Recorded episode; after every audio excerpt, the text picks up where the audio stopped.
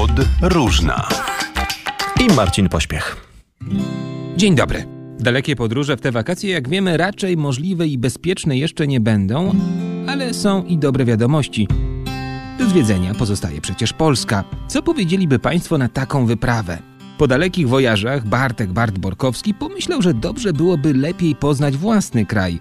Wsiadł na rower i wyruszył wzdłuż granic Polski. W sumie pokonał 3000 kilometrów, a tak o swojej wyprawie opowiadał podróżnej. Założenie było takie, żeby trzymać się jak najbliżej granic, ale oczywiście były takie sytuacje, że oddalałem się od nich. Były to sytuacje, kiedy pogoda mi głównie przeszkadzała, albo e, jechałem jakimiś terenami górskimi. Gdzie wystartowałeś? Wystartowałem z miejscowości Giby i jechałem wschodnią granicą zgodnie z ruchem wskazówek zegara na południe. Powiedz, czego dowiedziałeś się o Polsce? Czym ta trasa cię zaskoczyła? Miałem takiego kaca moralnego, że pcham się gdzieś za granicę, a własnego kraju nie poznaję. No i właśnie dlatego zrodził się ten pomysł podróży dookoła Polski, a co było najpiękniejsze, czego się dowiedziałem, to to, że jesteśmy po prostu bardzo pomocni w stosunku do siebie. Powiedz jakieś historie z tej trasy. Jechałem w totalnych ulewach, e, pogoda zupełnie mi nie sprzyjała i zatrzymałem się w okolicy takiego małego pola namiotowego z domkami letniskowymi. Pewien pan, który tam stał i zobaczył, jak ja moknę, zapytał, czy czegoś potrzebuję. Ja się zapytałem, czy istnieje możliwość rozstawienia namiotu. Z początku gburowatym tonem e, odpowiedział, że w ogóle nie ma takiej możliwości. Zgodnie z zasadą, czego grzecznie pytam. Tak, natomiast potem się uśmiechnął i powiedział, że oczywiście żartuje, on po prostu nie pozwoli na to, żebym ja w takich warunkach spał w namiocie i udostępnił mi wiatę suchą około 100 metrów kwadratowych. Jeszcze chciałem cię pociągnąć za język, jeżeli chodzi o Polskę. Jak ona się zmieniała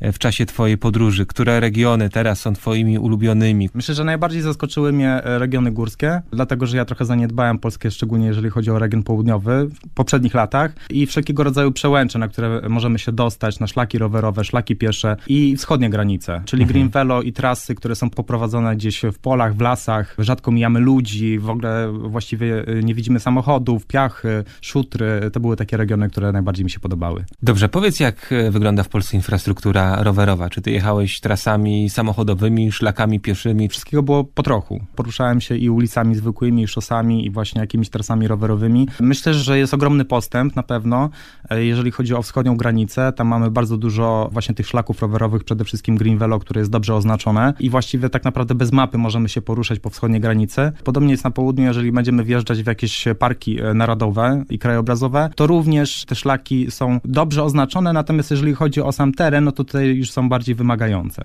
E, Zachodnia granica, nie powiedziałbym, że tam rzeczywiście możemy spotkać się z jakimiś konkretnymi szlakami rowerowymi, tylko po prostu trasami, które są poprowadzone w lasach i są to głównie tak naprawdę zmory rowerzystów i kolarzy, czyli bruk, E, więc jeżeli będziemy poruszać się zachodnią granicą, to tam trzeba uważać, żeby, żeby odpowiednio dobierać trasę. A jak kierowcy cię traktowali? Fatalnie.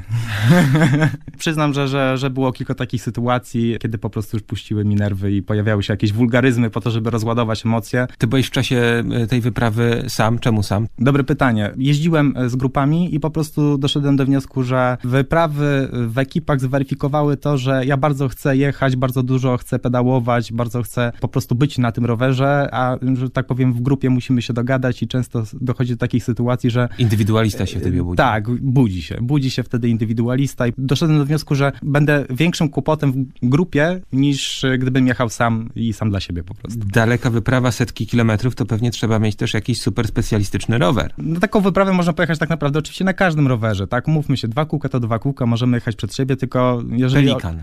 jeżeli wybierzemy jakiś kiepski rower, no to musimy się liczyć z tym, że po prostu będą nas spotykać awarie. To jeszcze krótko dopytam, bo pewnie już w głowie masz jakieś plany na przyszłość i na kolejną wyprawę rowerową.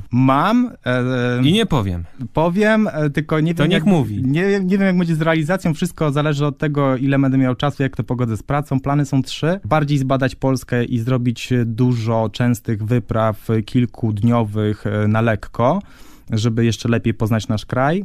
Drugi plan jest taki, żeby pojechać dookoła Bałtyku, a taki plan pomiędzy to dwutygodniowa wyprawa dookoła Macedonii. Audycja podróżna. Turystyka z ogromnymi stratami wywołanymi pandemią. To wnioski płynące z najnowszego raportu Polskiego Instytutu Ekonomicznego, mówi jedna z autorek opracowania, Paula Kukołowicz. W skali całego 2020 roku szacuje się, tutaj są to szacunki Światowej Organizacji Turystycznej, ruch turystyczny spadnie o 60 do 80%. Ale jest i nadzieja. W Pekinie, chociaż z limitami, od początku miesiąca można zwiedzać zakazane miasto.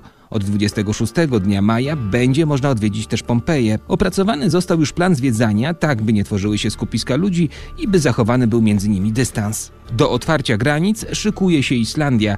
Od dziś wyspę bez obowiązkowej dwutygodniowej kwarantanny mogą odwiedzać obywatele Wysp Owczych i Grenlandii. Kolejnym złagodzeniem restrykcji będzie wprowadzenie najpóźniej do 15 dnia czerwca nowych zasad przyjazdu na Islandię. Turyści odwiedzający wyspę będą mieli do wyboru iść na dwutygodniową kwarantannę, poddać się testowi na koronawirusa lub przedstawić zaświadczenie mówiące o stanie zdrowia. Podróżna powróci. Marcin Pośpiech, do usłyszenia.